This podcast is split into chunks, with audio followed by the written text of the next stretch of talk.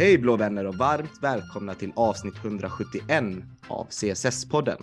Den enda svenska Chelsea-podden. Skapad och manövrerad av Chelsea Supporter Sweden.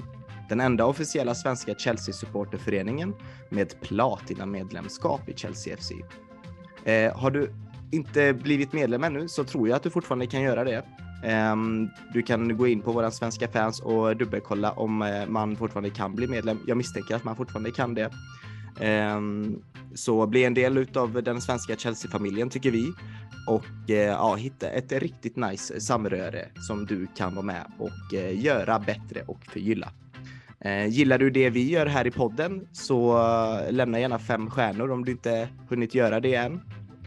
Det kan du göra både på Spotify och på Apple Podcast. Och det jag fått lära mig är att på Apple Podcast kan man också lämna en kommentar om eh, podden. Så lämna gärna en skön recension där så lyfter vi upp några recensioner som vi tycker om i nästkommande avsnitt. Det hade vi varit jättetacksamma över. Mitt namn är Patrik Petko och eh, äntligen kör vi ett lite mer standardavsnitt kanske. Eh, och eh, det är ju väldigt kul och något annat som är väldigt roligt är att vi har en debutant med oss idag. Ehm, Hans namn är Olle Lange och han är eh, skribent för eh, oss här på eh, Svenska fans.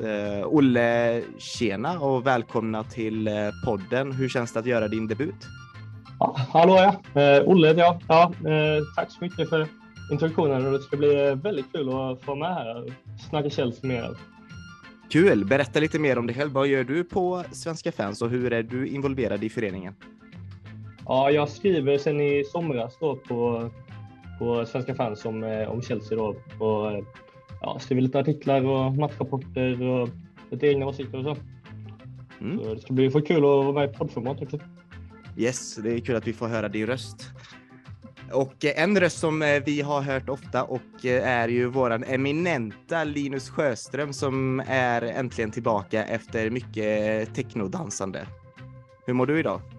Jo, men jag mår bra. Jag har ny mikrofon också, så det känns för jävla roligt detta också. Det var ju tack vare dig Patrik eh, som du skickade ut i våran chatt där att eh, skaffa den här mikrofonen och jag tror också att ljudet har blivit bättre med den här så att det, det känns lite extra roligt nu att prata och med ljudkvaliteten också.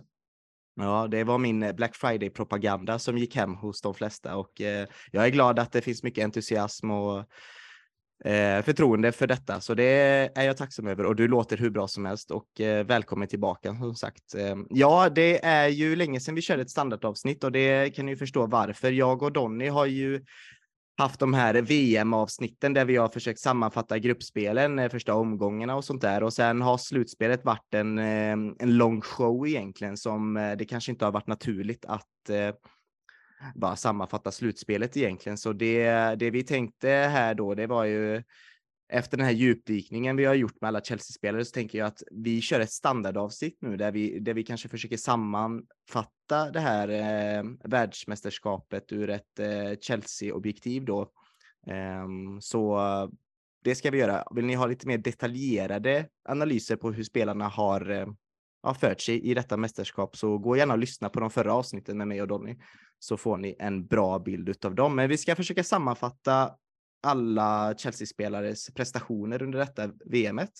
Um, ehm, vi kommer även i detta avsnittet att uh, ja, men prata lite generellt om VM och kanske vilka spelare som stack ut. Det vet jag att Olle var väldigt sugen på att prata om, så det, det tycker jag vi kan göra. Um, och sen ska vi självklart då ha lite mer fokus på vårt kungsblåa lag um, Chelsea och vad de har gjort under VM. Uh, de har ju varit iväg på Eh, spelat träningsmatch mot Aston Villa, eh, har varit i Abu Dhabi, Eh, lite skador, lite spelare, lite frågetecken, lite utropstecken, så det ska vi gå igenom. Och sen tycker jag det är alltid kul när det närmar sig transferfönster. Det har ju blivit en, en del av den här fotbollskarusellen som vi alla älskar. Så vi ska nog kanske blicka framåt lite av några rykten som har dykt upp här den senaste som kan vara kul att behandla. Eh, ja, och sen ska vi självklart eh, prata Premier League lite i alla fall. Vi, vi, vi tänker inte köra liksom en djupdykning i ligaåterstarten, men vi ska ändå prata lite om vad vi har för förväntningar på laget kanske när eh, säsongen drar igång igen. Så ja, ni hör ju, det är mycket att ta tag i, så jag tycker vi kör eh, igång på en gång. Luta er tillbaka och njut. Nu kör vi.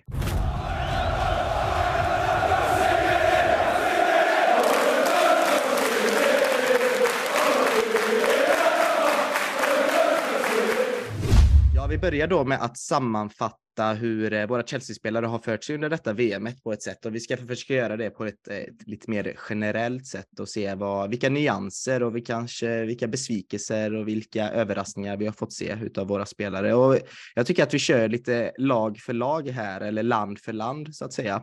Och jag tycker vi börjar kanske i den änden där vi har mest eh, representation. Och det är ju självklart i England där vi hade Mason Mount, Raheem Sterling och Conor Gallagher. Och eh, ja, vad ska man säga här? Eh, jag tycker väl, jag, alltså min, min initiala känsla när jag läser de här namnen och tänker på mästerskapet då. Gallagher kan väl kanske inte sättas in i detta, men jag syftar kanske mer på Mount och Sterling. Det är väl att jag är jag är väl besviken på eh, lite deras prestationer och kanske att de inte tog ja, men någon plats i elvan på riktigt när det blev, när det var liksom kniven mot strupen och de här viktiga matcherna skulle spelas, eh, Linus, då kände jag väl inte att eh, varken Mount eller Sterling var de som eh, Southgate litade på.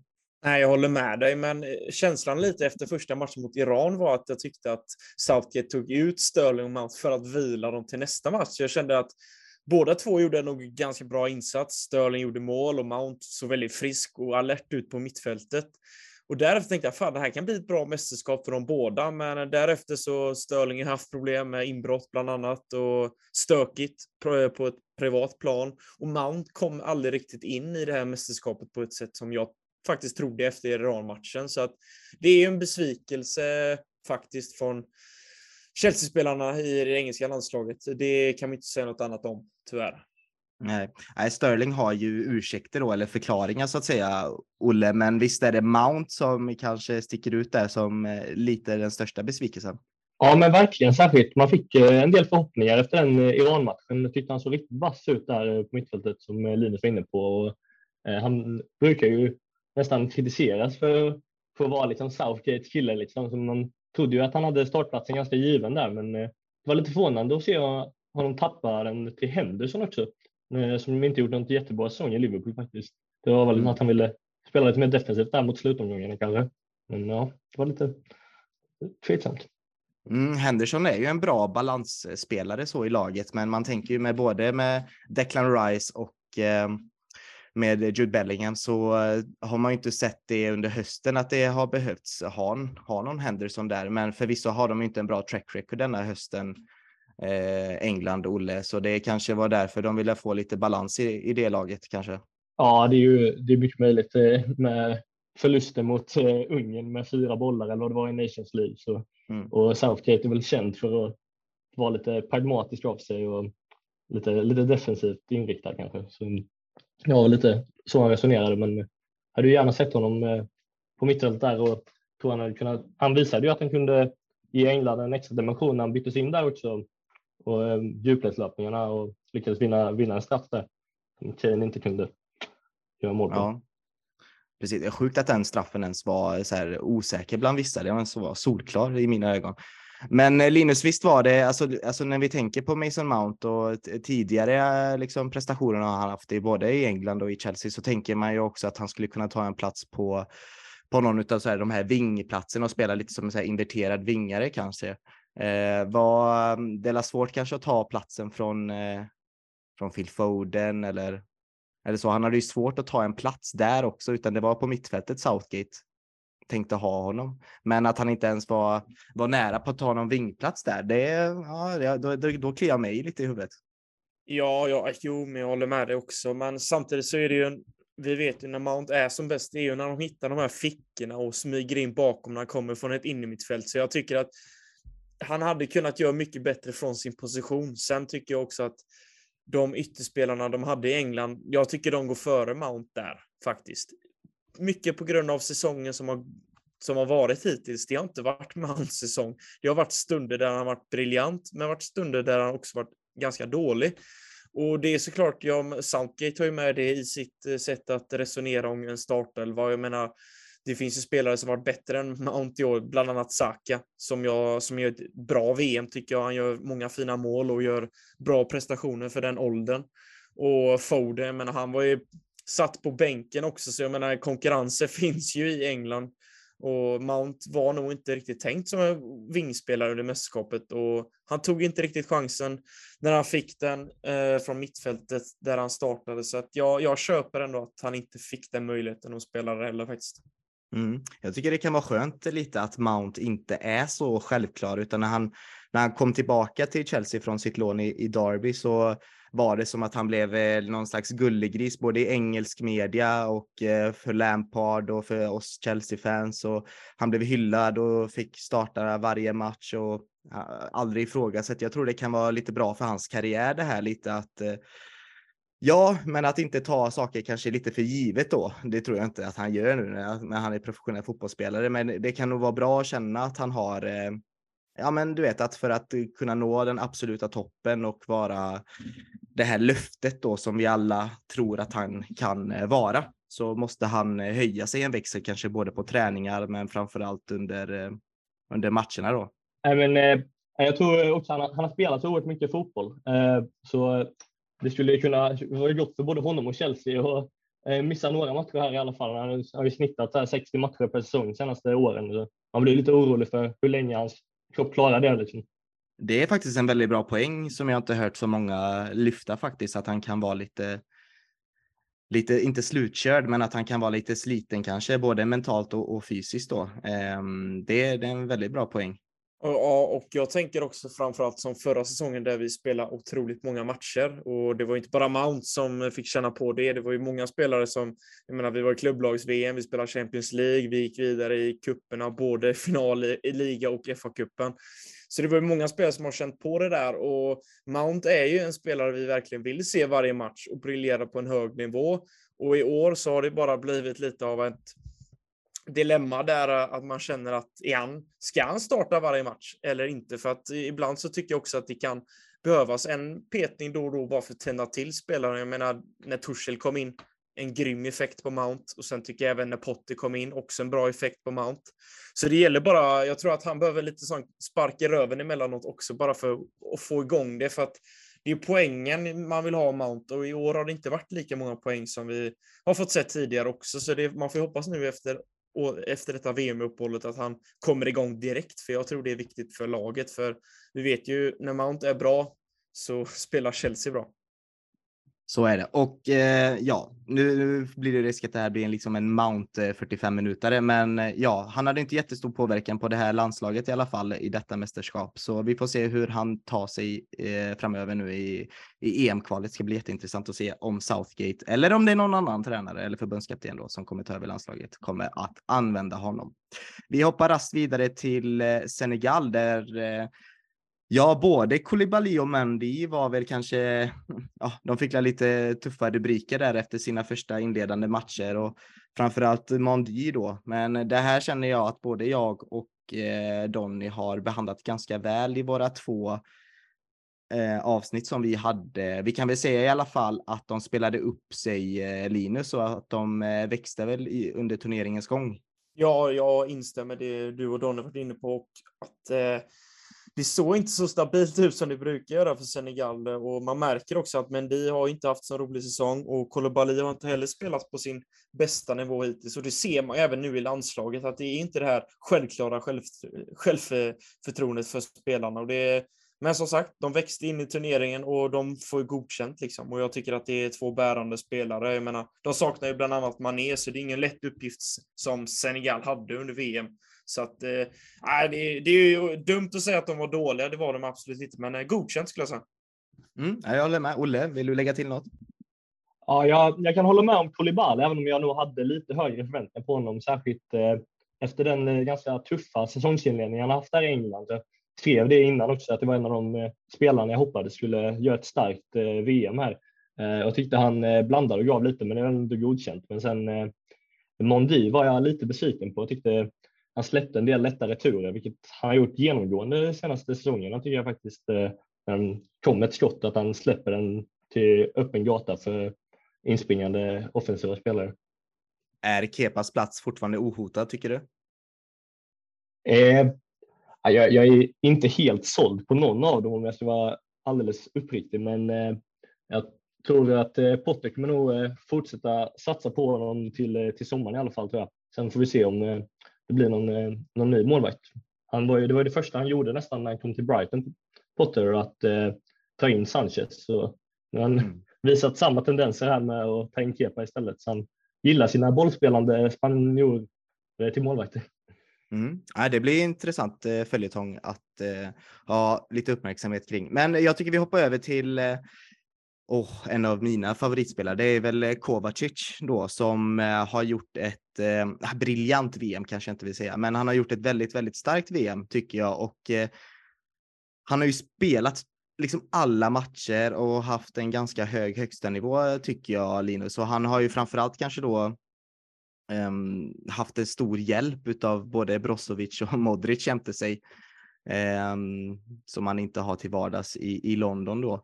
Men eh, ja, vad kan vi säga om Kovacic? Det är väl först och främst kan vi säga att det är väldigt imponerande av Kroatien att ta sig till en eh, semifinal igen eh, efter eh, en VM-finalen 2018 i Ryssland där de tog ett silver.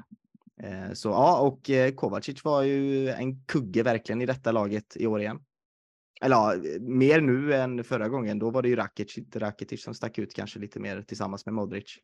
Ja, och det, det är det här drivet med bollen som jag älskar med Kovacic. Det, det ser så naturligt Han behöver aldrig kolla på bollen med ögonen för att det, den bara flyter med som att det vore en dans. Eh, och en annan sak som jag tänkte på framförallt på matchen mot Argentina är ju att han aldrig blir utbytt. Det är Modric och Brozovic som går ut i matchen, men Kovacic är kvar på banan.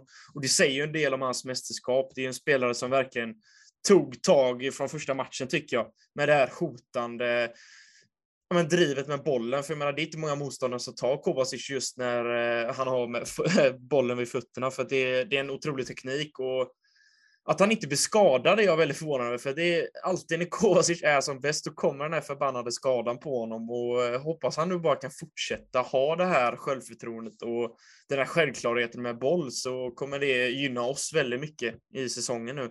Och mm. vi ser ju det nu att han är en av de bättre mittfältarna i Premier League, inne mittfältarna med boll. Det är inget snack om saken. Så vi får bara hoppas och hålla tummarna för att uh, han inte går sönder, för det har han ju tendenser att göra tyvärr under säsongen. Någonting jag kan störa mig lite på med Kovacic, eh, Olle, det är väl att han inte vågar skjuta mer.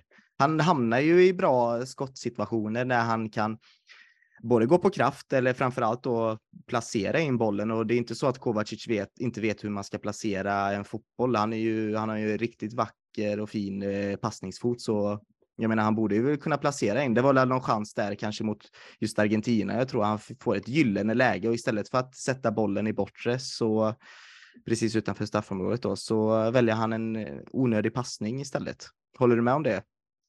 Ja, men eh, verkligen. Det, det har alltid varit mitt problem med Kovacic. Att det, det, ser så himla estetiskt fint ut när han eh, dribblar och bryter fram på mittfältet. Men sen eh, det där sista har han aldrig riktigt visat att han har. Liksom. Och inte riktigt heller i defensiven. Det har fungerat lite bättre nu med Brozovic bakom sig än, än vad det har gjort i Chelsea. Men man, man önskar ju att han, han hade den där sista, sista steget både i offensiv och defensiven. Men det, det är oerhört eh, fint att kolla på honom. Och eh, det känns som att han höjer sig lite i det kroatiska landslaget också. Jag vet inte om det är balansen i laget eller ja, men också det som Linus var inne på, att eh, han håller sig frisk där på ett helt annat sätt. Än, det känns som att han glömmer bort sina knäproblem när han tar på sig den kroatiska landslagströjan lite.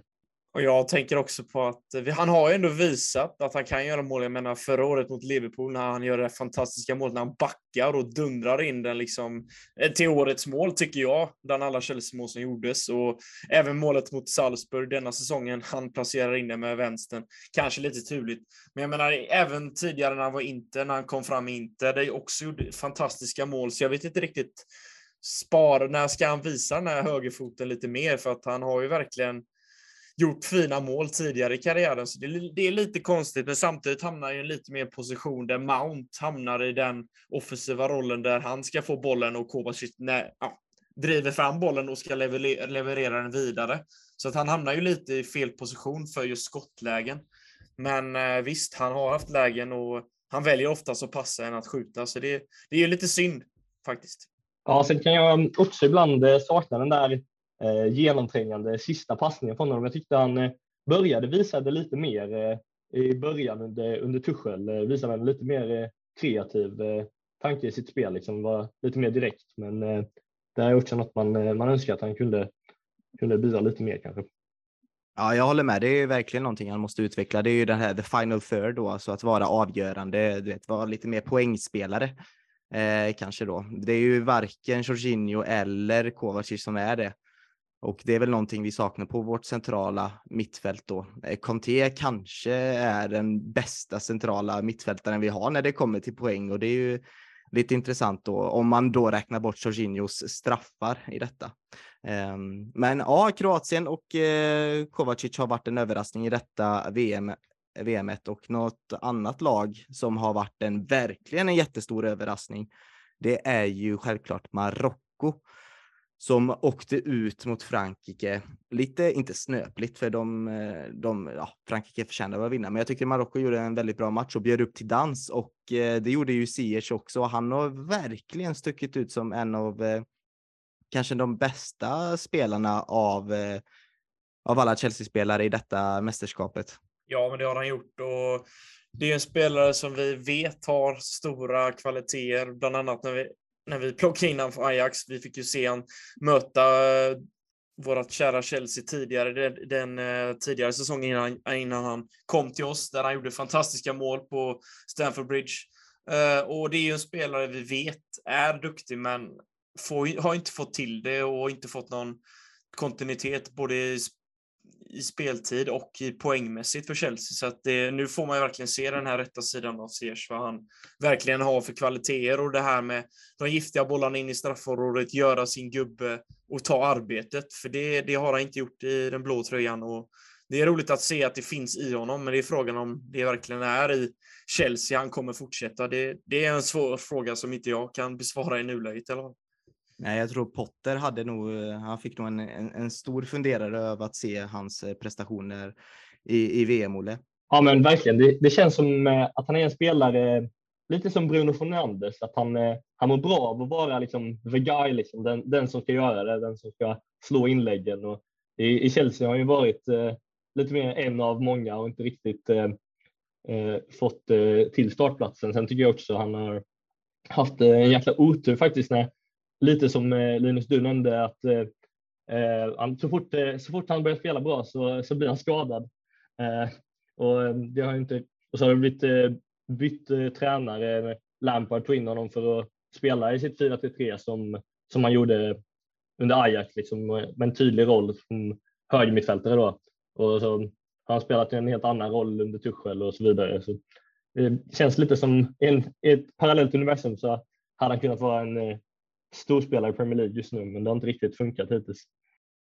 Mm, jag tror han känner det här behovet av att eh, spela för, för emblemet på bröstet, liksom. Alltså för Marocko, det, det, är för landet. Det är klart det är enkelt och för Ajax så hade, fanns det en kärlek där med, med fansen också som var, var stark. Jag tror inte riktigt han har känt den värmen eh, hos oss eh, riktigt. Och det kanske, han är väl en sån humörspelare. Jag vet att jag och Donny behandlade det och jag, jag står fast vid det, att han är en sån humörspelare som är precis som du säger, eh, Olle, han, han ska vara the guy eh, och det är då han presterar som bäst kanske. Men eh, sen om det är en metod som Chelsea vill och Potter vill använda sig av, det jag tror inte det dock. Men ja, någon spelare som dock vi kanske bör satsa på lite mer, tycker jag då i alla fall. Det är ju amerikanen Christian Pulisic som också hade ett Eh, bra VM tycker jag. Och där är det väl lite likadant, Olle, det är att han, när han är the guy, så att säga, när han är den här nummer 10 som ska vara ja, men stjärnspelaren, då, då får vi se en annan Pulisic.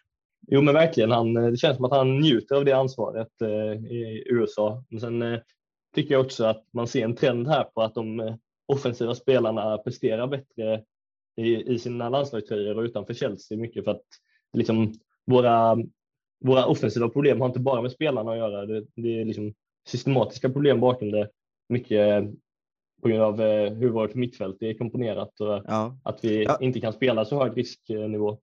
Vi, vi, kommer tillbaka till det tycker jag, för vi ska, vi ska väl ta lite vad, vad är liksom taken på alla de här, för du, du, är inne på någonting och du har skrivit en bra text där på våra svenska fans angående detta, just om hur våra offensiva spelare har bra, haft ett bra mästerskap och lite vad som är faktorerna till varför det kanske inte klickar bra. Jag tycker vi kommer tillbaka till det och kanske pratar lite mer om, ehm, om just de individuella så att säga, prestationerna i detta mästerskapet här. Ehm, men vi, vi nöjer oss där så länge med Pulisic och ja, det är ju värt att komma tillbaka till det och så kan vi väl nämna det. Det har jag och Donny redan nämnt angående att Ampadu fick ju spela för sitt Wales. De åkte ut i gruppspelet där, så där känner jag att vi har behandlat honom och Havertz lika där. Han, eh, han gör ju också ett bra VM och återigen, det blir också en sån här ett ämne att ta upp senare i podden när vi ska försöka se varför våra offensiva spelare presterar bättre utanför Chelsea. Så det tycker jag också att vi kan komma tillbaka till. Men någon som gick lite längre, det var ju Thiago Silva eh, och hans Brasilien då. Där var det ju, alltså det, var, det kändes ju som att fan, jag ville ju att han skulle vinna VM. Va? Jag, ville, jag tyckte han förtjänade, hans karriär förtjänade det. Och eh, han gjorde väl inte ett enda fel detta mästerskapet, eh, om du frågar mig, Linus? Nej, han var stort sett felfri och eh, bland annat ett minne jag tar med mig från det här VMet är hans fantastiska assist eh, som han gör när han verkligen lägger den bakom backlinjen. Alltså det, det är få spelare som har den spelintelligensen som mittback som eh, Thiago Silva har. Jag menar, han, han har läst så många situationer innan den ens har skett. Och det ser man på tv-repriser att Silva förstår redan var bollen kommer hamna. Och det, det är ett fåtal spelare som besitter de eh, kunskaperna som han gör. Så att det, det känns eh, väldigt hedrande också att han, han spelar fortsatt i Chelsea. Och jag tror att nu, speciellt nu, behöver vi honom där bak för att vi behöver trygghet och vi behöver kontinuitet och rutin för det är många spelare som vi inte riktigt vet dagsformen på och när han gör ett sånt här VM och jag tycker att han återigen visar på att han håller den högsta nivå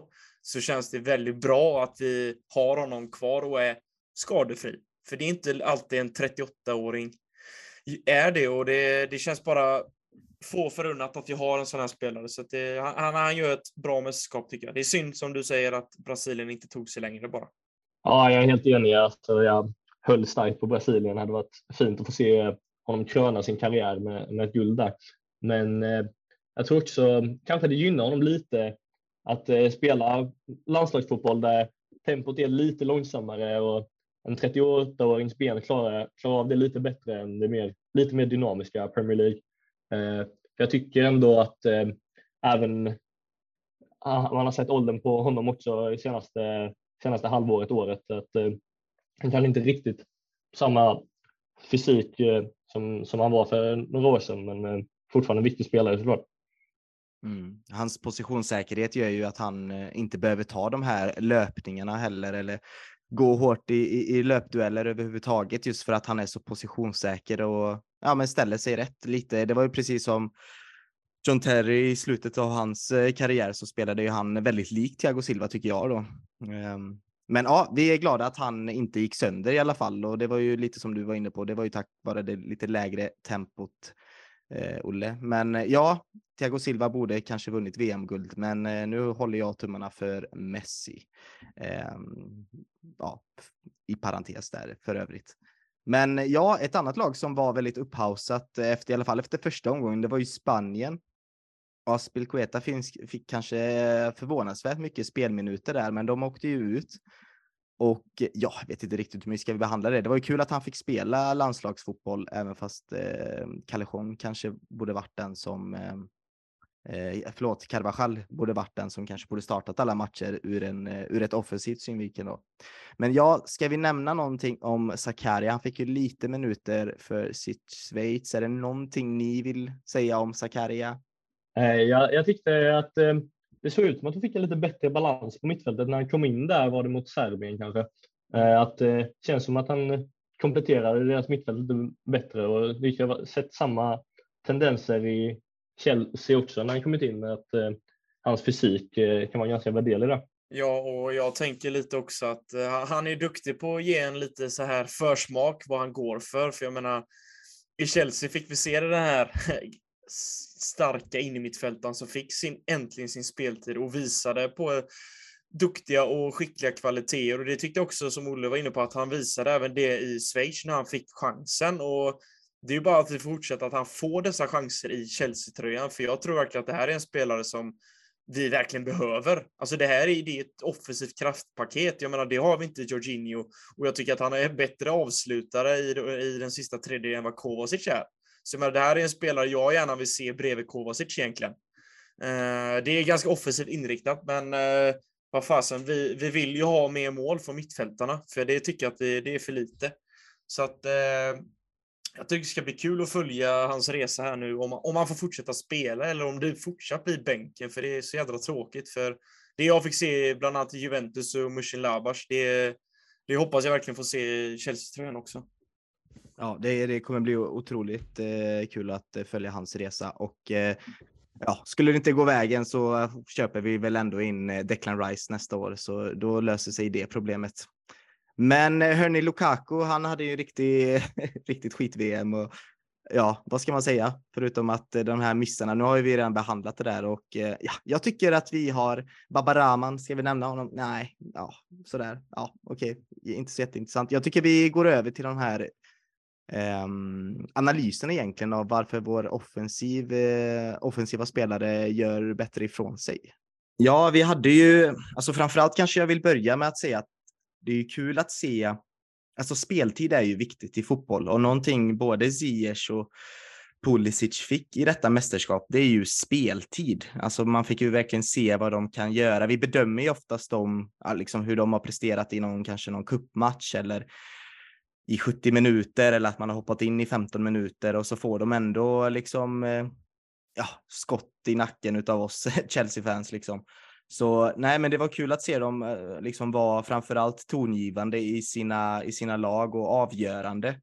Men eh, ja, det är ju, och de, de, vår, vår de offensiva spelarna såg ju bra ut, Olle.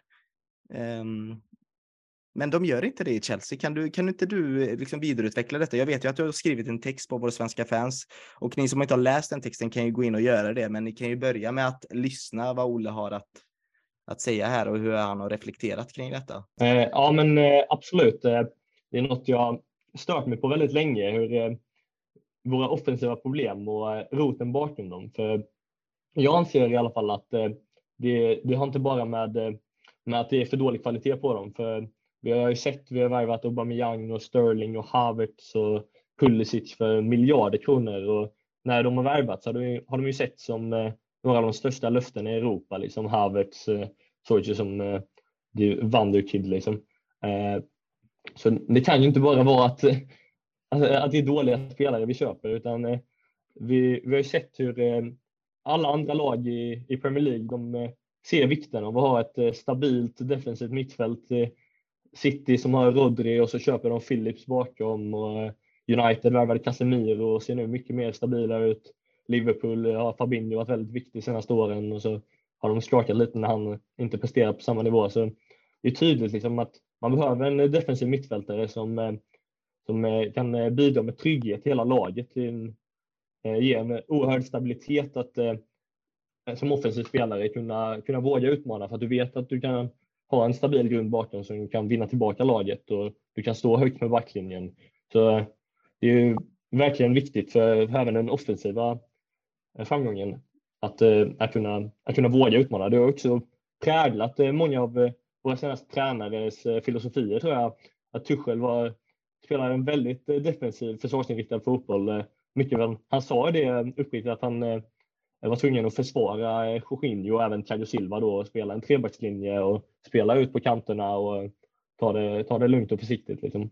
Så jag tror inte det är det som, som de offensiva spelarna vi har behöver heller. Vi ser ju Lukaku och Broja, de vill springa i djupled, Aubameyang och Sterling. Liksom det, vi, har inte, vi har inte alls, det är ett annat problem att vi inte alls har eh, eh, någon eh, samstämmighet i liksom vår värvningspolicy. Att, eh, det är väldigt olika sorts spelare som, eh, som ihop ska försöka formera en eh, fungerande offensiv.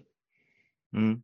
Ja, det, du lyfter mycket bra punkter där tycker jag. Det är ju någonting som har varit genomgående även, eh, vi har haft det här som diskussionsämne förut i podden.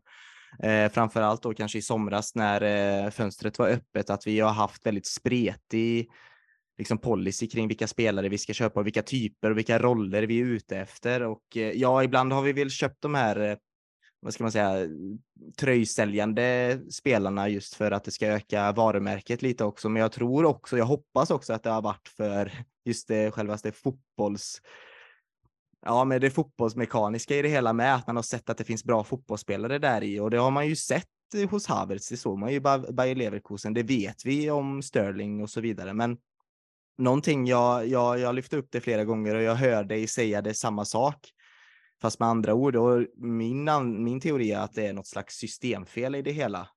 Um, och du säger defensiv mittfältare, jag säger kreativ mittfältare, att det är någonstans det vi har saknat. Det är många gånger vi har dominerat bollinnehavet och spelat handboll eh, liksom runt, eh, runt motståndares försvarslinje eh, och där har vi haft svårt att ja, men både penetrera och att vara men, kreativa. Så jag saknar väl med den här, du vet, Juan Mata typen av spelare kanske då eh, som kan eh, ja, men vara lite annorlunda, lägga passningen så att säga. Det, det tycker jag vi har sagt. Vi har ingen riktigt stor assist, eh, assistkung. Jag håller med dig om att vi behöver en defensiv mittfältare, men jag tror inte det är det som är roten till, eh, till den, de offensiva problemen vi har, utan snarare att det har varit fel policy, fel eh, spelare i fel roller och framförallt att det har saknats den här, den här tian då som ska lägga den här passningen helt enkelt. Ja, jag, jag tror vi kan behöva en, eh, en eh, fin passningsspelare, en Mata också, men eh, för att han ska kunna, kunna lägga de passningarna så tänker jag att det är viktigt att man kan ha en stabil grund. Liksom. Man bygger inte ett hus med, med taket först. Liksom. Vi, behöver, vi behöver en solid bas först och där tror jag det defensiva mittfältet blir väldigt viktigt. Vi har ju sett sedan eh, Matic lämnade egentligen eh, 2017 att eh, vårt ligarekord eh, talar ju för sig självt. Att, eh, vi har ju varit i snitt över 20 poäng bakom eh, ligavinnarna, även om vi vunnit lite kupper eh, då och då så, så är det ändå ligan som är liksom den främsta barometern på framgångar och där har vi verkligen underpresterat. Eh, och eh, Jorginho har ju mycket skyddats av Kantés eh, genialitet, men, eh, men när, han, eh, när han har varit skadad så samtidigt som Jorginho börjat åldras också så, eh, då tycker jag vi ser tydligt att flera gånger per match egentligen han blir omsprungen på kontringar. Det fungerar inte att spela ett liksom, offensivt riktat lag när man, när man har ett mittfält som, som inte kan skydda sin backlinje. Mm. ja, ja, verkligen. Och när man, om, man, om man skulle liksom köra vår bästa elva Linus och vi skulle köra ett tremanna mittfält idag, då hade det väl förmodligen låtit Jorginho, Kanté och Kovacic. Och det är ju varken offensivt eller defensivt. Nej, det, det håller jag med om. Och sen tycker jag också det Olle är inne på, att det här med en stabil och duktig defensiv, det kan man ju bara backa bandet till den tiden när vi kunde slänga in Mikkel i 70 minut och vi visste att nu har vi tre poäng om vi ledde. För att den där stabiliteten har vi inte haft de senaste åren och jag ska inte säga att det är något fel, men när Conte kom in därefter, när vi inte har spelat den här fyrbackslinjen, ett klassiskt 4-2-3-1 eller 4-3-3, så har det varit mycket svårare att värva spelare i rätt positioner. När vi har, vi har liksom formulerat oss och formerat truppen, treback, femback.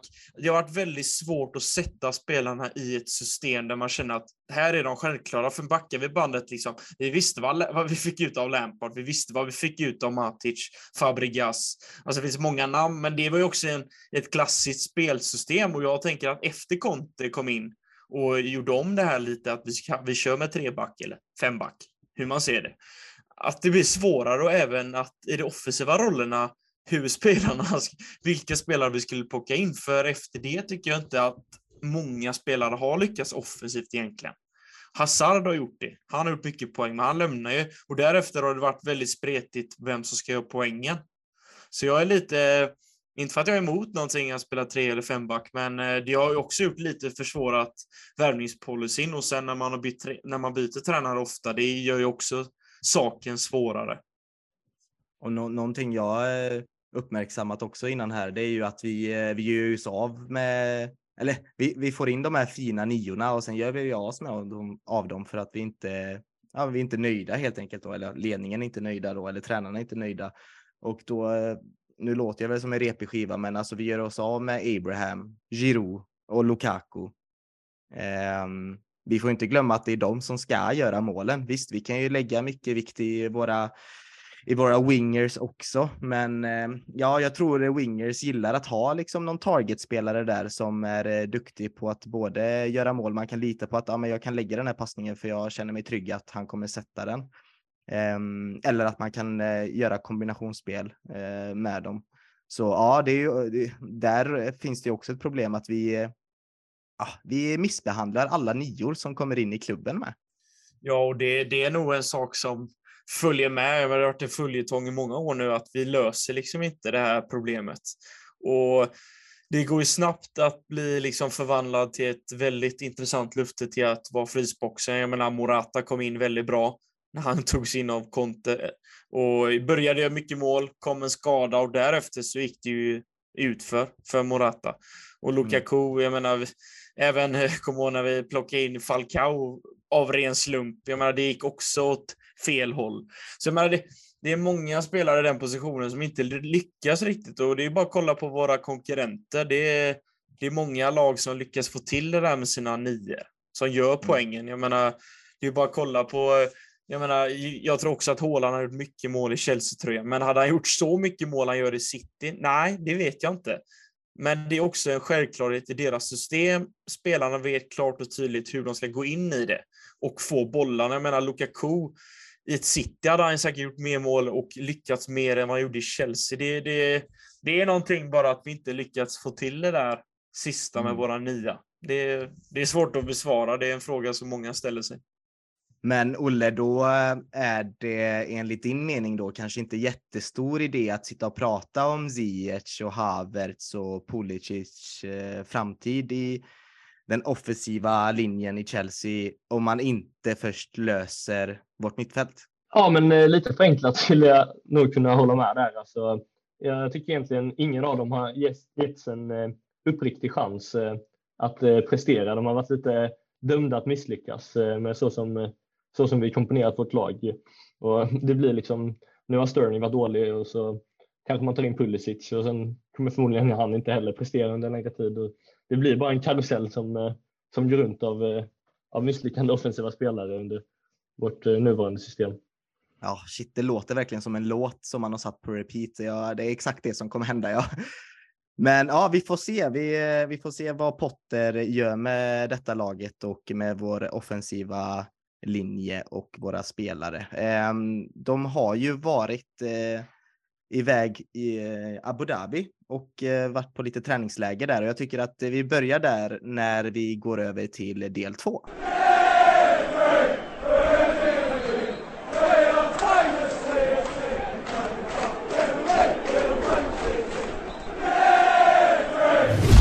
Ja, då var man ju alltså i Abu Dhabi då på träningsläger och jag tror man är hemma nu och eh, förbereder sig för eh, ligastarten. Och ehm, ja, han tog ju ut en ganska ung trupp. Det är ju många som, eh, det var vissa spelare som inte blev uttagna, Korea bland annat och Jorginho som inte fick ta med sig sitt Italien till detta mästerskap heller fick ju, har ju fått mycket tid med, med laget nu med. Så ja, men det var kul och vi fick ju se några unga spelare göra bra ifrån sig. Och vi fick ju se en väldigt jobbig skada på Broja där mot eh, matchen mot eh, Villa. Då. Det var en träningsmatch som spelades som vi förlorade med 1-0. Men jag tycker ändå att eh, jag såg då bara, vad kan man säga, 75 procent, 70 procent av matchen. Men Olle, du såg eh, hela matchen. Vad är din take utav, eh, utav den här träningsmatchen mot Aston Villa? Ja, du, du nämnde Brojas skada där. Jag kan nästan inte sluta höra honom skrika, men eh, men förutom det så eh, var det en oerhört eh, ung trupp, eh, så förväntningarna mot ett ganska ordinarie eh, Aston Villa var ju inte skyhöga, men jag tyckte ändå man såg en, en del positiva intryck från, från unga spelare som, som ville visa sig. Jag var sugen på att se, på att se Charlie Webster som, som många ser som en stor juvel i akademilaget. Han, han försökte visa sig bra, men hade kanske inte sin, sin allra bästa match. Och sen eh, Lewis Hall eh, imponerade en del på mittfältet, men eh, framför allt var ju Omari Hutchinson det största utropstecknet som, som verkligen visade att han, han ska nog vara en del av det här, eh, det här eh, A-laget, precis som Lewis Hall som blev uppflyttad. Ja, men visst gjorde han en eh, supermatch tycker jag, även fast han inte gjorde några poäng eller så, så tycker jag att han var alltså Hutchinson då. Jag börjar med det positiva så kan vi avsluta med Brojas skada där, för det var ju väldigt tråkigt att. Men eh, just Hutchinson, han såg så jäkla pigg ut och det påminner mig lite om eh, Hudson-Odoy när han, han kom in eh, som ungtupp och visade ja, hur man utmanar, hur man driver bollen och ja, men han såg väldigt modig ut på plan tycker jag. Och jag tycker absolut att han ska vara med och träna med A-laget framöver och framförallt få lite inhopp och kanske till och med starter i, i vissa matcher om det kör ihop sig med Ziyech, Pulisic och Sterling och alla de här. eh, Eh, fortfarande i, mm, i, i framtiden. Men eh, ska vi kanske prata om den här skadan som eh, Broja fick? Han kommer ju missa hela säsongen blir det nu va, Olle? Och, ja, vad har du för uppdateringar kring det? Nej, det var oerhört tufft att se. Det är en, lite av en personlig favorit Broja. Alltså han påminner så mycket om Diego Costa med sin aggressivitet och sin, sin styrka och så har han en helt annan snabbhet också. Men eh, det blir tufft också, särskilt eh, när Aubameyang är bakom. Men eh, apropå den eh, Abu Dhabi-matchen så var han ju långt ifrån fenomenal där också. Visar en lite Lukaku-liknande kan man nästan säga eh, attityd och kroppsspråk när han, när han inte fick bollen och bara slängde med armarna. Så eh, jag får, får hoppas att, eh, att den här eh, den här Fofana kan imponera snart, men, eh, men det kan vi ta lite senare kanske. Ja, eh, Linus, eh, du såg ju highlights av eh, matchen. Vad, fick du någon, någon känsla eller någon reflektion så där efter att du hade sett det? Ja, att Omar Hutkinsons avslut skulle gått stolpe in istället. Nej, men det var ett eh, jädra avslut alltså. Och han viker in på ett härligt sätt som han verkligen Lite där, han påminner lite om Anthony i United. Eh, det här samma fot lite och samma kvickhet och känns inte lika loj kanske och, och dribbla och trixa omkring på kanten. Men, eh, men det är framförallt han som även jag tyckte om sen tidigare, både statistiken från vad han har presterat under säsongen och eh, att han kommer från Arsenal, liksom den här historien bakom. Han har ju haft lite hoppat omkring och varit i Chelsea sedan tidigare, så det är kul att han kommer tillbaka och ska, som ni säger, tycker jag, ska upp i A-laget. Och eh, om inte nu så ska han ju definitivt upp i sommar för att det är en spelare vi inte får slarva bort. För det, man ser ju att den här kvickheten att utmana sin motståndare, det gör han ju helt naturligt. Han går emot och är ständigt ett hot och det det är inte alla spelarna i offensivt som Chelsea har som dessa kvaliteter som Omar Hutkinson besitter. Så att det, det är spelare som känns väldigt intressant och jag hoppas verkligen att de ger en chansen nu i, i Premier League för jag tycker att eh, har Lewis Hall fått chansen och verkligen visat också så tycker jag även att han borde få en chans i Premier League eller i cuperna. Mm. Eh, hade Tuchel varit tränare så hade han säkert satt honom som så wingback eller någonting och förstört hans eh, karriär eller någonting. Men ja, nej, det, det, jag hoppas att han kan eh, ge en eh, energiskjut in i detta laget och det gjorde han i alla fall i denna matchen. Ehm, ja, när vi ändå pratar om Broja och eh, vi nämnde ju det om hans skada, att han kommer vara borta hela säsongen. Vad, ska vi göra en liten skadeuppdatering på laget? Ehm, det var ju så att både Reece James, eh, Wesley Fofana och Ben Chilwell, de håller på att återhämta sina skador, men de, är ju fortfarande, de var ju fortfarande med i den här truppen då som åkte ner till Abu Dhabi och de, man har ju sett dem träna och man har sett dem vara involverade i laget och så vidare. Eh, vad jag vet så fick ingen av dem eh, några minuter dock i denna matchen, men de har ändå varit med och tränat med laget. Så det känns ju positivt inför ligastarten och förhoppningsvis så kan de återhämta sig eh, snart och snabbt. Eh, N'Golo Conte är ju lite längre ifrån att vara spelklar och frågan är om vi någonsin kommer få se han spela i Chelsea igen. Det vet man ju inte. Men eh, ja, mycket kan ju hända i detta fönstret som snart eh, är på horisonten här. Um, ja, Loftus Cheek är ju också en spelare som har varit frånvarande. Um, och han, eh, vad var det, det var alla matchen mot Newcastle han åkte på någon skada tror jag. Uh, och eh, Kepa har också varit borta då från skada. Så ja, Kepa har inte tränat med laget och inte Ruben Loftus-Cheek heller. Så, så, det, så ser skadeläget ut just nu. Vi hoppas att Kovacic knän håller nu när, eh, när ligastarten drar igång. Men eh, ja, det var en liten kort skadeuppdatering och ja, håll koll på eh, Chelseas sociala kanaler och eh, på våra sociala kanaler. Vi kommer uppdatera allt om när spelarna är tillbaka i full träning med eh, laget. Ja, det är ju ett transferfönster här som Ja, eller vill ni, vill ni prata mer om någonting som Chelsea har gjort under VM? Har ni, har ni märkt någonting? Har ni följt dem på sociala kanaler? Är det någon, får ni någon antydan med hur Potter eh, liksom är med, med spelarna och så vidare? Har ni, har, har ni fått någon feeling än så länge? Linus, vi kan ju börja med dig. Ja, men det, man har följt eh, speciellt rehabiliteringen på Fofana och James. Det är två spelare jag saknar rejält. Och Fofana kom verkligen igång där i slutet. Han gjorde mål och så kommer den här jädra skadan. Så det, det känns ju kul också och tajmat lite för Chelseas del att det här VMet kom där vi kan liksom återhämta oss, åka, på lite, åka iväg med laget och spela en match och få lufta truppen lite och även se de här unga talangerna. Men det här är ju helt ovanligt att ett VM spelas på vintern. Så det är ett nytt läge både för klubben och för samtliga eh, lag runt om i världen. Så att jag menar, det, det var ett tillfälle där vi också kunde samla kraft som Chelsea-supportrar. Ja, det har varit en ganska tuff höst där vi har fått se mycket dåliga resultat, många skador. Men eh, känns lite som att man har fått ny energi inför våren här och nu under julen så avgörs mycket och vi måste verkligen steppa upp nu. Så det känns lite som en nystart och det behövs, känner jag spontant själv. Mm. Ja, men det, det, känns ju verkligen som en ny säsong nu när man eh, börjar efter ett eh, mästerskap och jag tror det är lite så vi får se det också. Och eh, att vi tar nya tag nu till våren med, med många spelare som kommer tillbaka. Det var ju ett jäkla tapp att bli av med både Kanté, James och Fofana under kort tid och jag tror det var en stor förklaring till, till den förlustsviten som kom därefter. Så jag hoppas att vi kan lyfta nu till eh, det blir nog svårt med topp fyra fortfarande, men eh, har ju Dortmund i Champions League där och kan ju, kan ju hoppas eh, få någon cupframgång i alla fall.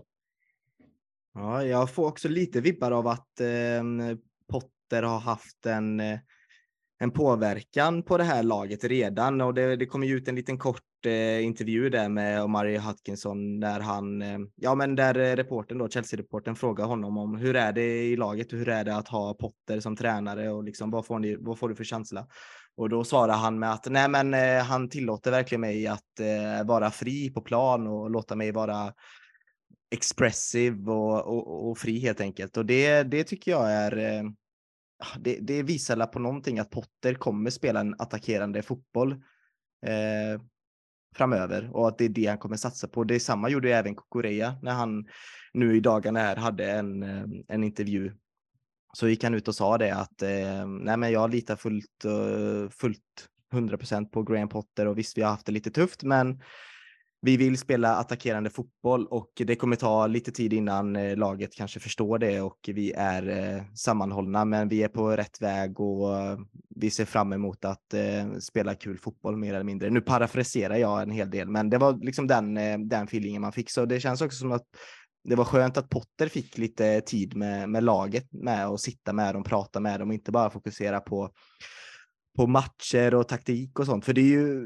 det är ju någonstans det. Det har varit väldigt, det är väldigt orättvist att döma Potter nu redan eftersom han inte har haft. Eh, alltså det var ju bara matcher hela tiden, Olle. Så vad, vad, vad kan han egentligen ha gjort med, med laget? Men nu, nu har man ju, nu har han ju fått tid att prata med dem och instruera dem och lära känna dem bättre.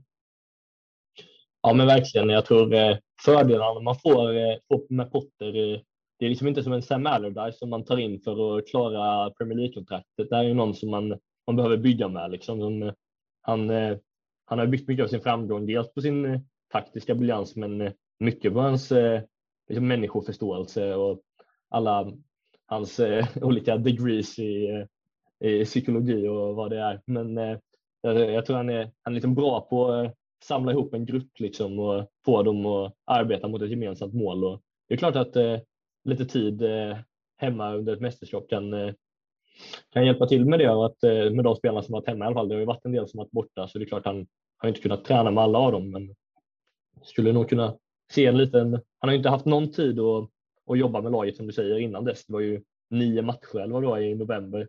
Så, så absolut så skulle vi kunna se en liten liten framåtkurva här i slutet av våren. Mm. Jag ser fram emot det här nya Chelsea. Eh, återigen, ett begrepp som man har, jag har sagt väldigt mycket nu den senaste tiden. Men det är ju faktiskt nya Chelsea och eh, det kanske blir ännu mer nya Chelsea eftersom det blir ett, eh, ja det kommer ju ett transferfönster här Linus och det är ju mycket rykten som cirkulerar och tack vare VM så, så byggs det ju upp alltid nya rykten eftersom det är alltid spelare som överpresterar bland annat. Eh, eh, så har vi ju ehm, Guardiol då, som i och för sig, han var ju rätt omtalad redan innan då och vi, vi var ju redan förknippade med honom i, i somras och det var ju blandade röster. Vissa tyckte att vi skulle köra all in på honom. Eh, vissa tyckte väl att vi borde vänta och är han verkligen redo för eh, Premier League? Men eh, alltså om någonting detta mästerskapet har sagt om eh, Josco Guardiol, det är ju att eh, mittbacken har allt som krävs för att vara en bra eh, Premier League mittback. Ja, och det här mästerskapet kommer ju lite olägligt för hans prislapp sjunker ju inte eh, tack vare detta mästerskapet. Och det är ju lite det där med mästerskap på sommaren, är ju att där, där, för, där föds ju nya stjärnor och blomstrar och kommer fram. Och vi har ju, varit, vi har ju haft koll på Guardiol innan mästerskapet, men har inte riktigt kunnat knyta till oss honom.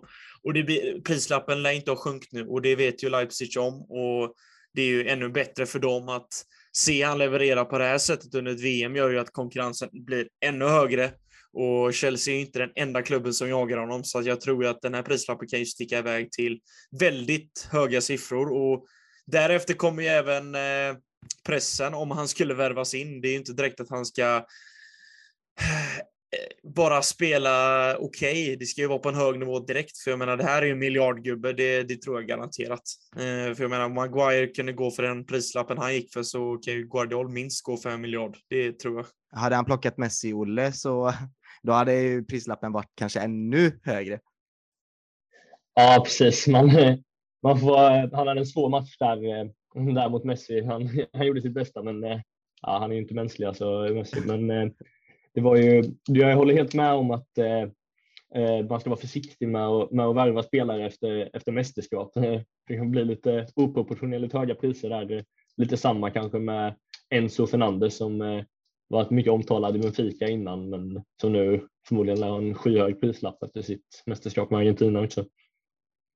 Ja, detsamma gäller väl Gonzalo Ramos. Det är ju riktigt. Jag känner direkt att det är en nitlott. Eller nej, vet du vem som är årets nitlott? I detta VM, det är han Kode Gapko. Och det känns som att United kommer köpa honom och gå in i samma fälla igen. eller tror ni på Gapko? Ja, det känns som att, eller ja, alltså både från vad han har levererat i, i AZ, eh, nej PSV, PSV, PSV menar jag. Eh, så, eh, och det här han gjorde i VM nu så känns det som att det är ett ganska intressant anfallsvapen. Men vad fasen, vi har ju sett många holländare eh, förstöras i Premier League och United. Jag tänker på Depay, jag tänker på Daley Blind som inte riktigt fick den här utvecklingen som man trodde för att i Ajax kan det ju gå bra att spela i holländska ligan och göra åtta mål per helg. Men att komma till Premier League, det, det är en svårare uppgift och sen är det frågan om, om, om det blir United för Gakpo, men det har ju framförallt varit den klubben som har ryktats mest om. Men ja, jag tror att han kan eh, nog bli ett ganska farligt hot. Eh, ja, Ja, intressant. Vi får lägga till van de Beek på den listan också kanske. Så. Ja, jo, det, det kan vi göra. Ja. Men eh, ja, det, det, är ju som sagt mycket rykten nu och det här VMet ökar ju bara på eh, rykteskarusellen och eh, ja, en Kunko är väl inte så ett jättehett rykte. Det har ju varit hela hösten har det väl varit genomgående att han kommer signa för Chelsea. Sen om det blir nu till vintern eller nästa sommar, det får vi väl se. Men den, den känns ju klar, liksom. den är väl nästan here we go till och med. Va? Um, så den behöver vi inte beröra så mycket. Vi kan väl gå in djupare på Nkunku. Han har ju varit skadad nu under, um, under vintern. Han blev ju skadad precis innan uh, uttagningen eller precis efter uttagningen tror jag det var till VM. Så han fick ju tyvärr inte spela med sitt Frankrike eh, denna gången. Eh, så jag tycker vi går in på en annan spelare som blev here we goad idag. Eh, och det är ju spelaren Datro Fofana. Um, och han blev here we go. Det är alltså Fabrizio Romanos uttryck då när eh, en um, spelare eller en uh, tränare eller en affär är klar helt enkelt. Och då kan man väl säga att den är officiell mer eller mindre eller inofficiellt officiell. Um, Fabrizio Romano har ju otroligt stor makt där bland fotbollsjournalisterna och är, eh, ja, han är en säker källa så att säga. Men Datro Fofana spelar i Molde och jag har faktiskt en lite rolig historia om honom. Jag vet inte om ni var uppmärksammade där på i eh, Facebookgruppen CSS-podden som jag alla tycker borde gå med i och eh, för där kan man påverka ja, eh, poddens innehåll och man kan komma med kommentarer, eh, recensioner och man kan komma med förslag om vad vi borde ta upp och så där. Men jag, jag skrev en liten rolig grej där för Donny, vår ordförande, skrev eh, Dator Fofana, here we go. Jättespännande sa han väl lite sarkastiskt och då vet jag om ni såg det, men jag har spelat fotboll manager nu ett, ett tag här och jag älskar fotboll manager som, eh, som spel. Jag är riktigt nörd alltså. Och eh, fotboll manager 23 kom ju ut för lite över en och en halv månad sedan ungefär och eh, ja, jag har ju startat ett Fiorentina-save. Eh, jag är lite svag för dem eh, då jag är, har mest påbrå, så Adrian Moto hade ju riktiga bra säsonger där och en, en stark profil i Fiorentina som också spelat i Chelsea som ni alla vet. Um, men ja, jag värvade Datro Fofana faktiskt till mitt lag. Och eh, det var verkligen efter ganska lång scoutning i Norge, för Norge producerar jävla sjukt bra ynglingar där alltså. Men han är ju inte norsk som ni kan höra på namnet, utan han är eh, från Côte d'Ivoire, alltså från Elfenbenskusten som en annan Chelsea-legend är. Eh, och ja, Datro Fofana, vad vet vi om honom förutom att han är grym i mitt fotboll manager save och eh, han är inte, han är inte player of the season är han inte. Han är väldigt skadebenägen, men han gör mycket poäng i mitt lag i alla fall. Ja, det, det kom ju lite som en chock här eh, när det släpptes för fyra timmar sedan av eh, Romano. Men eh, ja, som du nämnde lite, det, det har ju gått bra med ivorianska strikers i Chelsea förut. Eh, det, det jag såg var att eh, Brighton hade varit intresserade av honom för, för två, tre veckor sedan. Så det, det känns ju lite som att det är Chelseas modus operandi nu och bara ta allting som Brighton eh, närmar sig. Ja, vet du någonting mer eh, om Datro Fofana, Linus, än någon annan här i detta podd, poddrummet? Ja, en skeptisk sak, jag eh, tänker just på Premier League och fysik, är att han är 1,81. Eh, visst, han är inte färdigvuxen, han är 19, men, han kommer nog inte bli 1,90 i alla fall. Så att det, det är en ganska kort spelare, men eh, det finns ju spelare som har lyckats på den positionen tidigare som har varit korta. Men jag tänker mest på fysiken i Premier League så är ju det en nackdel tror jag. För eh, inläggsspelet lär han inte få några bollar på huvudet direkt om man ska möta Van Dijk eller någon annan mittback, Ruben Diaz till exempel. Då blir det nog tufft. Men har han andra kvaliteter som kan mötas upp mot det så är det ju absolut ett intressant namn och Chelsea ändå har valt att plocka in honom. Så att, eh, ja, det kommer lite som en chock. Jag har inte läst om detta riktigt innan, så jag hade inte jättekoll på honom eh, innan eh, Romano släppte nyheten. Så att eh, nu gäller det att slå upp Youtube och söka på lite highlights så att man skapar sig en liten skön bild av honom. Jag hade varit väldigt chockad om eh, den här värvningen var ett resultat av att alltså Broja skada då, för det kom så tätt inpå. Men eller tror ni att man kan agera så snabbt på marknaden? Det kanske man kan, men det känns ju som att det är någonting som har ja, men varit, eh, man har haft luppen på honom ett, ett bra tag. Om inte annat så har eh, de Brighton-representanter som nu tillhör Chelsea haft det. Eh, och det men jag tänker lite, varför nu liksom? Är det kanske för att man, man kanske har velat köpa honom till eh, ja, men till vintern eller till sommaren eller någonting, men att man kanske pulled the trigger så fort Broja blev skadad. Tror ni att det kan vara någonting sånt? Eh, eller vad tror du, Olle? Ja, det är möjligt. Det är svårt att tro att eh, deras tanke är att ta honom direkt från, eh, från Molde till Chelsea. Liksom det känns ju som någon eh, av de här projektspelarna som eh, Slonina eller Casadei och Chukwemeka som i och för sig är i A-laget nu men inte får så mycket speltid. Eh, man undrar ju lite om eh, med, eh, med de här farmarklubbarna som det pratats om att Chelsea skulle vara intresserade av i Portugal eller Belgien och köpa en klubb att det skulle kunna vara en sån destination först innan han, innan han går till, till A-laget. Har vi några andra rykten som dyker upp där som är intressanta? Det är ju den här är det någonting ni har snappat upp så här nu i ryktesväg? Nej, alltså spontant har det ju varit mycket just om Guardiol, lite lösa rykten och Nkunku är ju, ska ju vara klar och an, antagligen ansluter i sommar.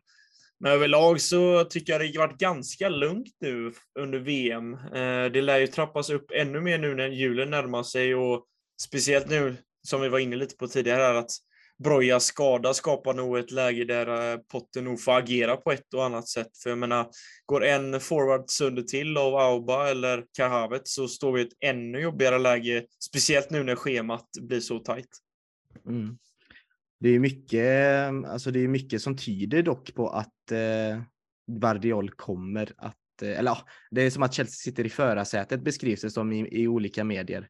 Eh, alltså jag vet inte hur det, om det känns eh, på riktigt riktigt, men ja, jag vet inte fan. Ja, jag, jag tror absolut att vi, vi kommer nog agera en del i januari, särskilt eh, överlag tror jag att eh, januarifönstret kommer vara lite aktivare än vanligt eh, när det kommer direkt efter ett mästerskap. Och, Eh, särskilt nu efter den eh, säsongstart Chelsea har gjort så kan det nog eh, trappas upp lite där ryktesväg. Och Guardiol är ju intressant. Eh, det, har ju snackats om att eh, det är en utköpsklausul på sådär 40-50 miljoner euro. Så, så i så fall så skulle det vara mer intressant. Men sen har man ju Colwell där också som man inte vill blockera vägen för. Talat som en sann Chelsea purist.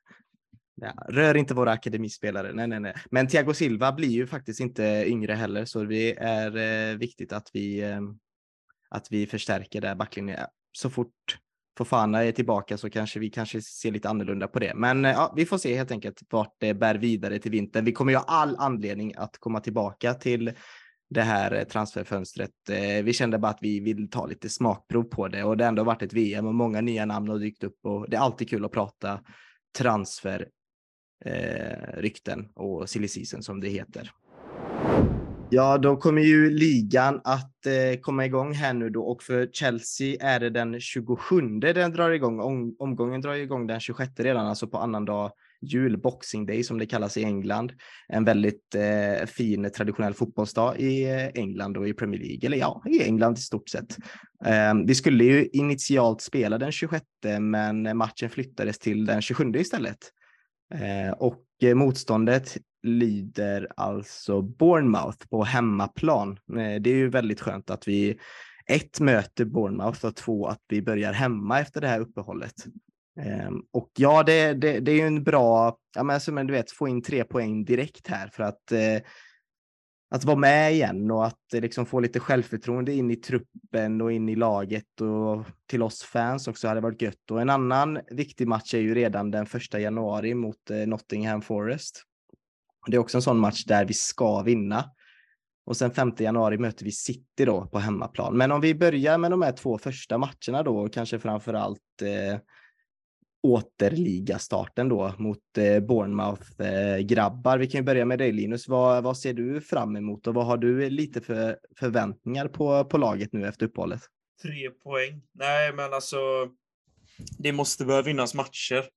Det behöver inte se så jädra vackert ut, eh, men måste, vi måste börja ta tre poängarna och närma oss toppen. Och, för jag menar, Newcastle går ju som på räls. Nu, nu kommer det här uppehållet lite lägligt för oss tycker jag, för jag menar Arsenal var inne i en bra period och City också, så att jag menar det kanske vänder eller så blir det att de fortsätter på samma sätt, men det känns som att nu vet man inte riktigt var man har lagen. Många har varit på landslagsuppehåll, många har varit lediga. Det, det blir liksom en återstart där det är svårt att sätta tempen på lagen. Jag menar, kolla Chelseas eh, match mot Villa. Det är, inte så, det är ett ganska svårt läge för Bournemouth att analysera Chelseas trupp i nuläget formmässigt. För jag menar, majoriteten av spelarna var ungdomsspelare som garanterat inte kommer starta för oss mot Bournemouth. Så det, det, är ett svårt läge vi står inför, men eh, bara vi vinner. Sen är det svårt också för oss eh, gentemot Bournemouth. Vart har vi Bournemouth? Det är ett lag som faktiskt smygit sig ganska stabilt i serien eh, under säsongen. Så jag menar, det är, ingen, det är ingen lätt match och Bournemouth har ju tidigare gjort ganska bra resultat mot oss i Premier League. Så att, ja, det, det är lite lurigt men eh, vi tre poäng måste in, så är det bara. Jag kan ändå säga att det är en match vi ska vinna ändå. Det, ja, ja. Vi är ändå Chelsea här. Vi får ju komma ihåg någonstans vilka vi är och vad vi har för ambitioner. Men det är självklart att man ska ha, ja, ha all respekt och vara lite försiktigt optimistisk kanske inför den här eh, matchen. Och vad har du för tankar kring eh, ligastarten? Ja, det är ju såklart en eh, tacksam start ändå med två eh, bottenkonkurrenter får man ändå säga i Bournemouth och Nottingham. Eh, sen, jag är inte vidskeplig av mig, men som Linus nämnde så har vi ett oerhört dåligt track record mot Bournemouth. Det har ju blivit många förluster där, 4-0 under Sarri och så vidare. Men ja, jag trycker framför allt på att vi, vi måste liksom börja visa, visa liksom lite tendenser till en, till en spelmodell här under våren. För jag tyckte ändå det såg hyfsat ljust ut de första matcherna där under Potter. Lite mer spelvänja, lite mer direkt, lite högre press. Men sen eh, mycket eh, efter skadorna så kändes det lite som att vi föll tillbaka till, till gamla mönster. Och, mm, så väl framförallt det, för jag, jag har i alla fall tappat hoppet på, på en eh, topp 4-placering kan jag säga. Så det är ändå åtta poäng upp till Tottenham på fjärdeplatsen. Så jag känner mer att det är, liksom, det är viktigt att vi börjar liksom gå in eh, i sommaren med liksom positiv känsla att vi börjar, eh, börjar sätta några spelmönster. Och det, är liksom, det är nu vi kan, kan börja liksom bygga här under Potter. Mm. Ja, det är nog viktigt att komma tillbaka till eh, winning ways så att säga. Vi har inte vunnit de fem senaste Premier League-matcherna och det måste väl vara något eh, rekord. Jag tror jag sa det i, i förra avsnittet.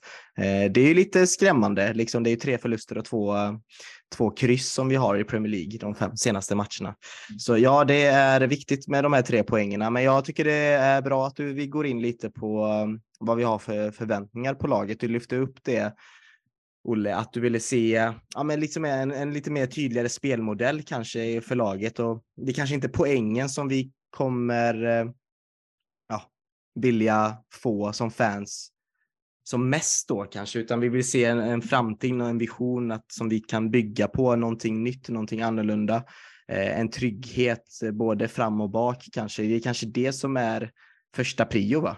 Ja men eh, verkligen. Eh, jag tycker eh, vi, har, vi har varit i behov av att bygga om nu i två, tre år, men vi har, vi har försenat eh, det oundvikliga lite med att förlänga kontrakt på, på Aspi och eh, inte ersätta Jorginho, Kanté och så vidare. Det, nu behöver vi verkligen eh, skrota det gamla lite och, och börja, börja från noll nästan. För, för den, den basen vi har haft har liksom inte fungerat. Och, och då börjar, börjar med att, med att eh, tänka på en spelfilosofi. Och, och vi har tagit in folk som ska kunna hjälpa till med att formera den också. Och så har vi en tränare som eh, bygger långsiktigt också.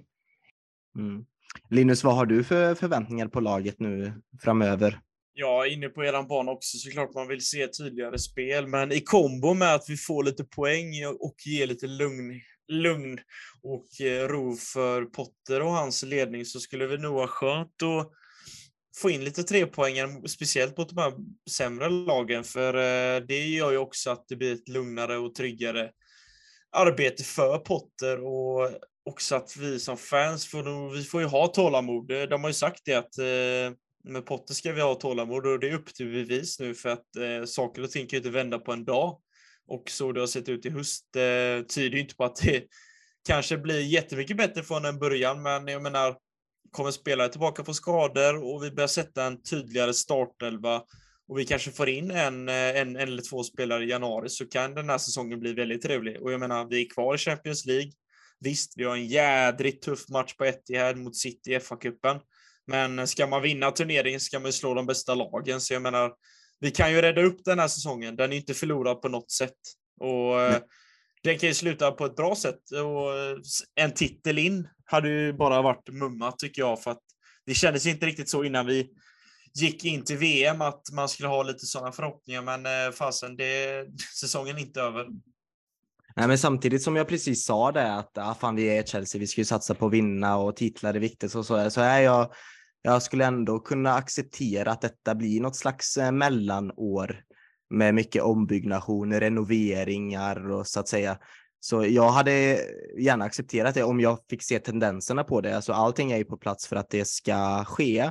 Men jag vill inte se en feg Potter som liksom spelar trebackslinje och experimenterar sönder med laget för mycket eh, och inte skapar någon stabilitet och trygghet, utan jag vill eh, det kommer väl vara mina krav som supporter kanske, att jag ser tendenser till någonting eh, nytt kanske då framför allt. Ja, men jag tycker du är inne på helt rätt grejer där. Att, eh, jag tycker faktiskt att eh, Potter ibland har varit lite feg nu i början. Kanske han vill hålla hela truppen eh, glad tills han eh, har liksom kommando att kunna, kunna välja den som han vill. Men eh, att han eh, fortfarande satsat på Aubameyang över Broja och så vidare. Nu har han ju inget val, men till exempel där i Zagreb-matchen när vi hade vunnit gruppen, men så var det ändå inga unga spelare i laget och körde samma jävla elva. Liksom. Det, det känns som att han vill ju egentligen vara modigare än vad, vad han har varit hittills. Mm. Han vill nog akklimatisera sig och liksom få respekt av spelarna också. Han eh, ser väl, han testar väl olika sätt att få det. Men i alla fall, det är, mm, jag tycker vi gör så att vi snackar väl upp Bournemouth-matchen eh, ju närmare vi kommer. Det är väl ett avsnitt vi får spela in eh, strax innan jul eh, tycker jag väl eh, istället. Så det blir väl nästa vecka tycker jag väl vi kan spela in och kanske kolla lite närmare på Bournemouth och, och på verkligen på riktigt snacka upp matchen. För eh, just nu kan vi bara, ja, det går väl på någon halvkänsla här och VM är inte över. Så ja, ska vi kanske avsluta med att fråga, jag frågar, vi kan väl fråga oss allihopa, alla tre då, vem vi tror eh, ska vinna VM Eh, och jag kan börja då. Jag tror eh, Argentina vinner. Vem tror du Linus?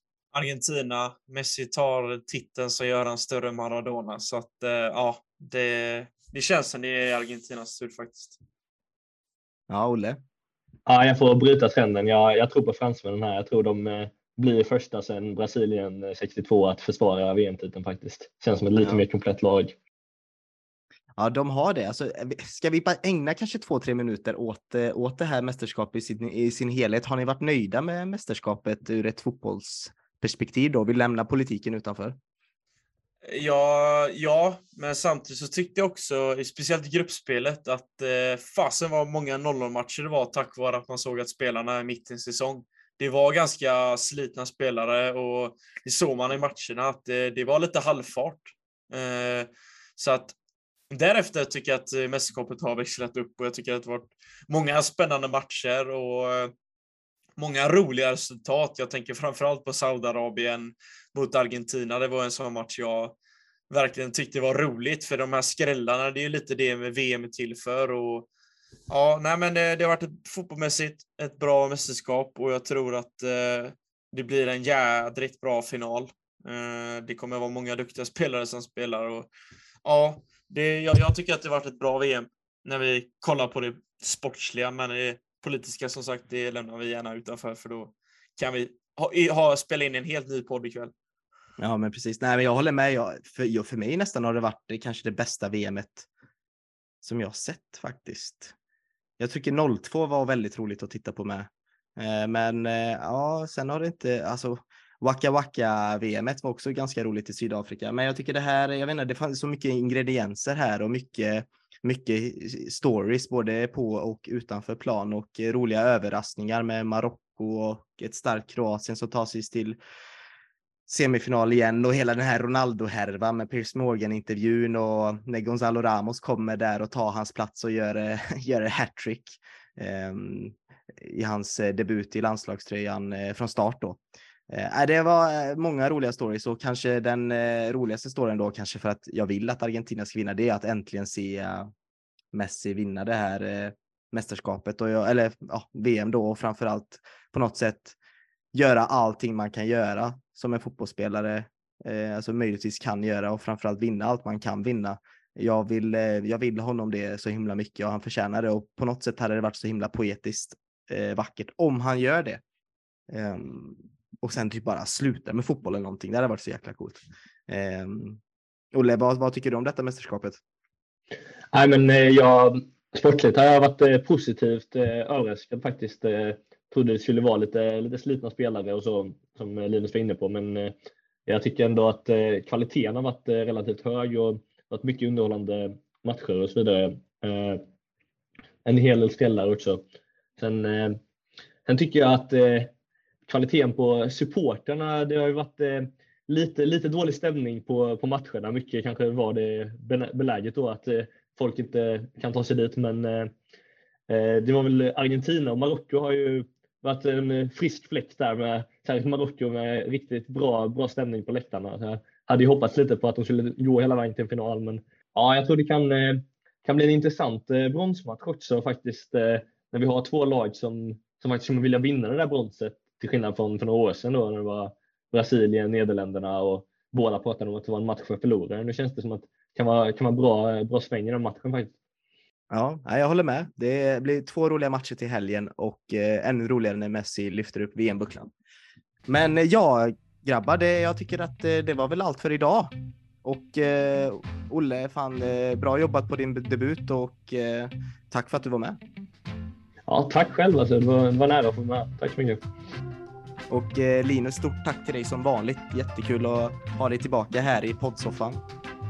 Mm, tack detsamma. Det var ett litet VM-uppehåll, men nu gäller det att ta fart för våren, för eh, det blir många matcher återigen. Och eh, vi får hoppas att vi lyckas ta oss vidare i både kupper och nå Champions League på något sätt i alla fall till nästa år. Det hoppas vi. Vi kan väl se den här, den här podden lite som en eh, försäsongspodd. Vi är inte riktigt varma i kläderna, tungan är inte lika vass, men eh, ah, vi brinner ändå för laget och vi gör jobbet. Och eh, ja, ni kommer höra mer eh, CSS-podd eh, framöver och håll utkik där också precis strax innan vi möter eh, Bournemouth också, för då kommer vi släppa ett nytt avsnitt. Så ja, tack för att ni har lyssnat då. Ehm, och gillar du det vi gör och den här, det här avsnittet så gå gärna in eh, och lämna fem stjärnor, precis som jag sa i början av podden. Ehm, vill du vara med och påverka podden så gå med i ehm, gruppen eh, CSS-podden som finns på Facebook. Det är bara att söka där så bjuder vi in dig. Ett annat sätt att bidra är ju självklart att bli medlem i Chelsea Supporters Sweden. Eh, det kan man göra och eh, framförallt kan man också gå in på vår svenska fans. Eh, och det är alltså webbadressen svenskafans.com England Chelsea där du kan ta del av eh, matchrapporter, analyser och krönikor skrivna av vår duktiga redaktion på CSS som bland annat både Linus och Olle är med i. Så tack för er insats killar och stort tack till er och till dig som har lyssnat. Keep the blue flag flying high.